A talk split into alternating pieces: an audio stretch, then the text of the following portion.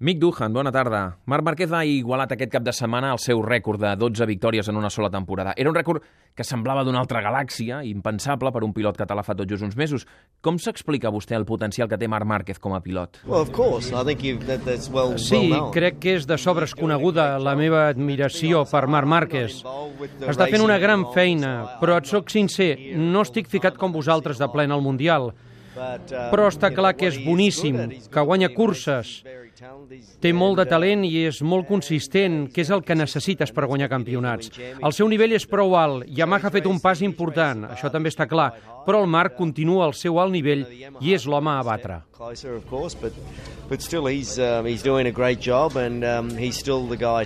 Quan el veiem fa el que fa a Márquez, saltar sobre la moto, atacar a tota hora, guanyar el Mundial, però continuar lluitant per guanyar curses, no donar-se mai per satisfet, eh, podem arribar a pensar que Marc Márquez està una mica boig?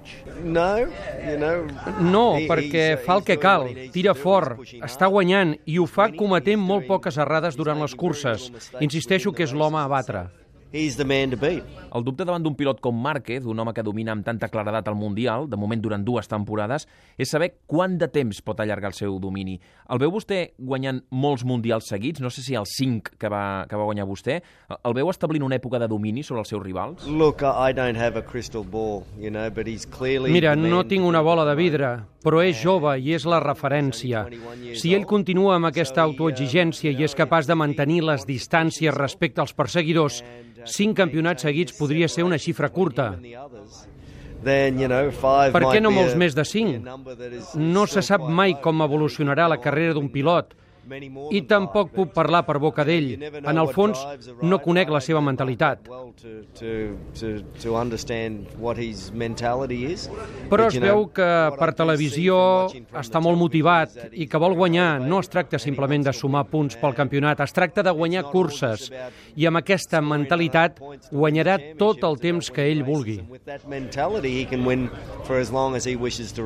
Veig per les seves respostes que admira a Marc Márquez, potser fins i tot que li agrada que sigui ell qui, qui hagi igualat el, el seu rècord de victòries en una mateixa temporada. Una admiració que és mútua, perquè eh, el Marc Márquez ha dit alguna vegada que li hagués agradat tenir Mick Duhan, a vostè, com a company d'equip. Well, you know, I, don't know what that means. Um, No acabo d'entendre què significa um, això, having a strong però un company helps por like t'ajuda a desenvolupar la moto i t'apreta i per tant et motiva.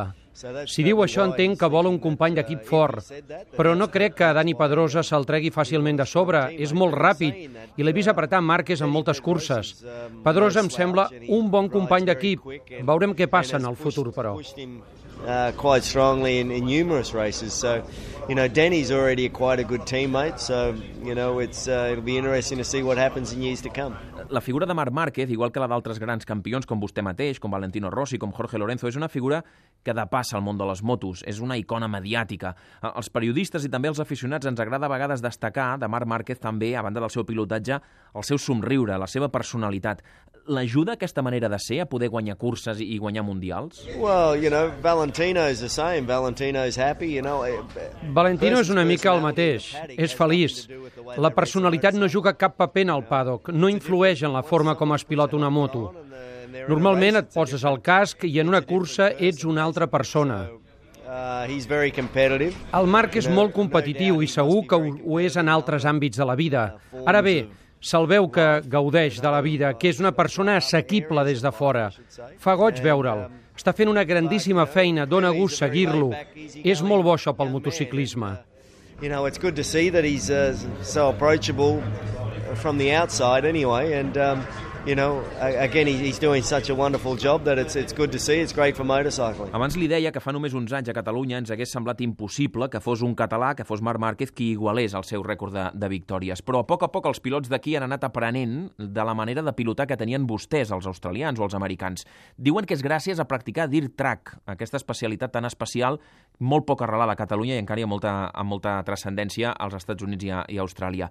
Li sembla clau per guanyar un Mundial, per fer aquest rècord de, de victòries en una mateixa temporada, dominar aquesta manera de pilotar, dominar el dirt track? Well, I think it has been for many, many Ah, years. ho I don't ha estat durant molts anys. Potser a Espanya ara us arriba, però a la resta del món és ben evident. um, Recorda, per exemple, Kenny Roberts, que va ser un dels primers a popularitzar aquesta tècnica. uh, El meu background està fonamentat en el dirt track com molts altres pilots. No és nou, això.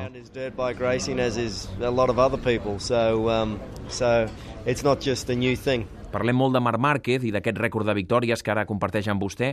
El coneix personalment? Ha tingut mai l'oportunitat de fer-li algun consell? Look, I, I, how could I advise a Què puc dir-li a algú que és dues vegades campió del món de MotoGP?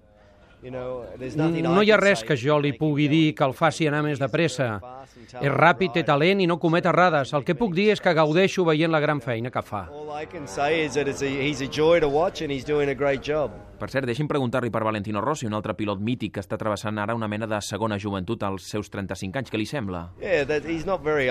No em sembla que sigui gran. La competició és cosa de l'actitud mental. Sí, té 35 anys, però està encara motivat i aquesta és la clau. Senyor Mick Duhan, gràcies, bona tarda. Gràcies, bona tarda.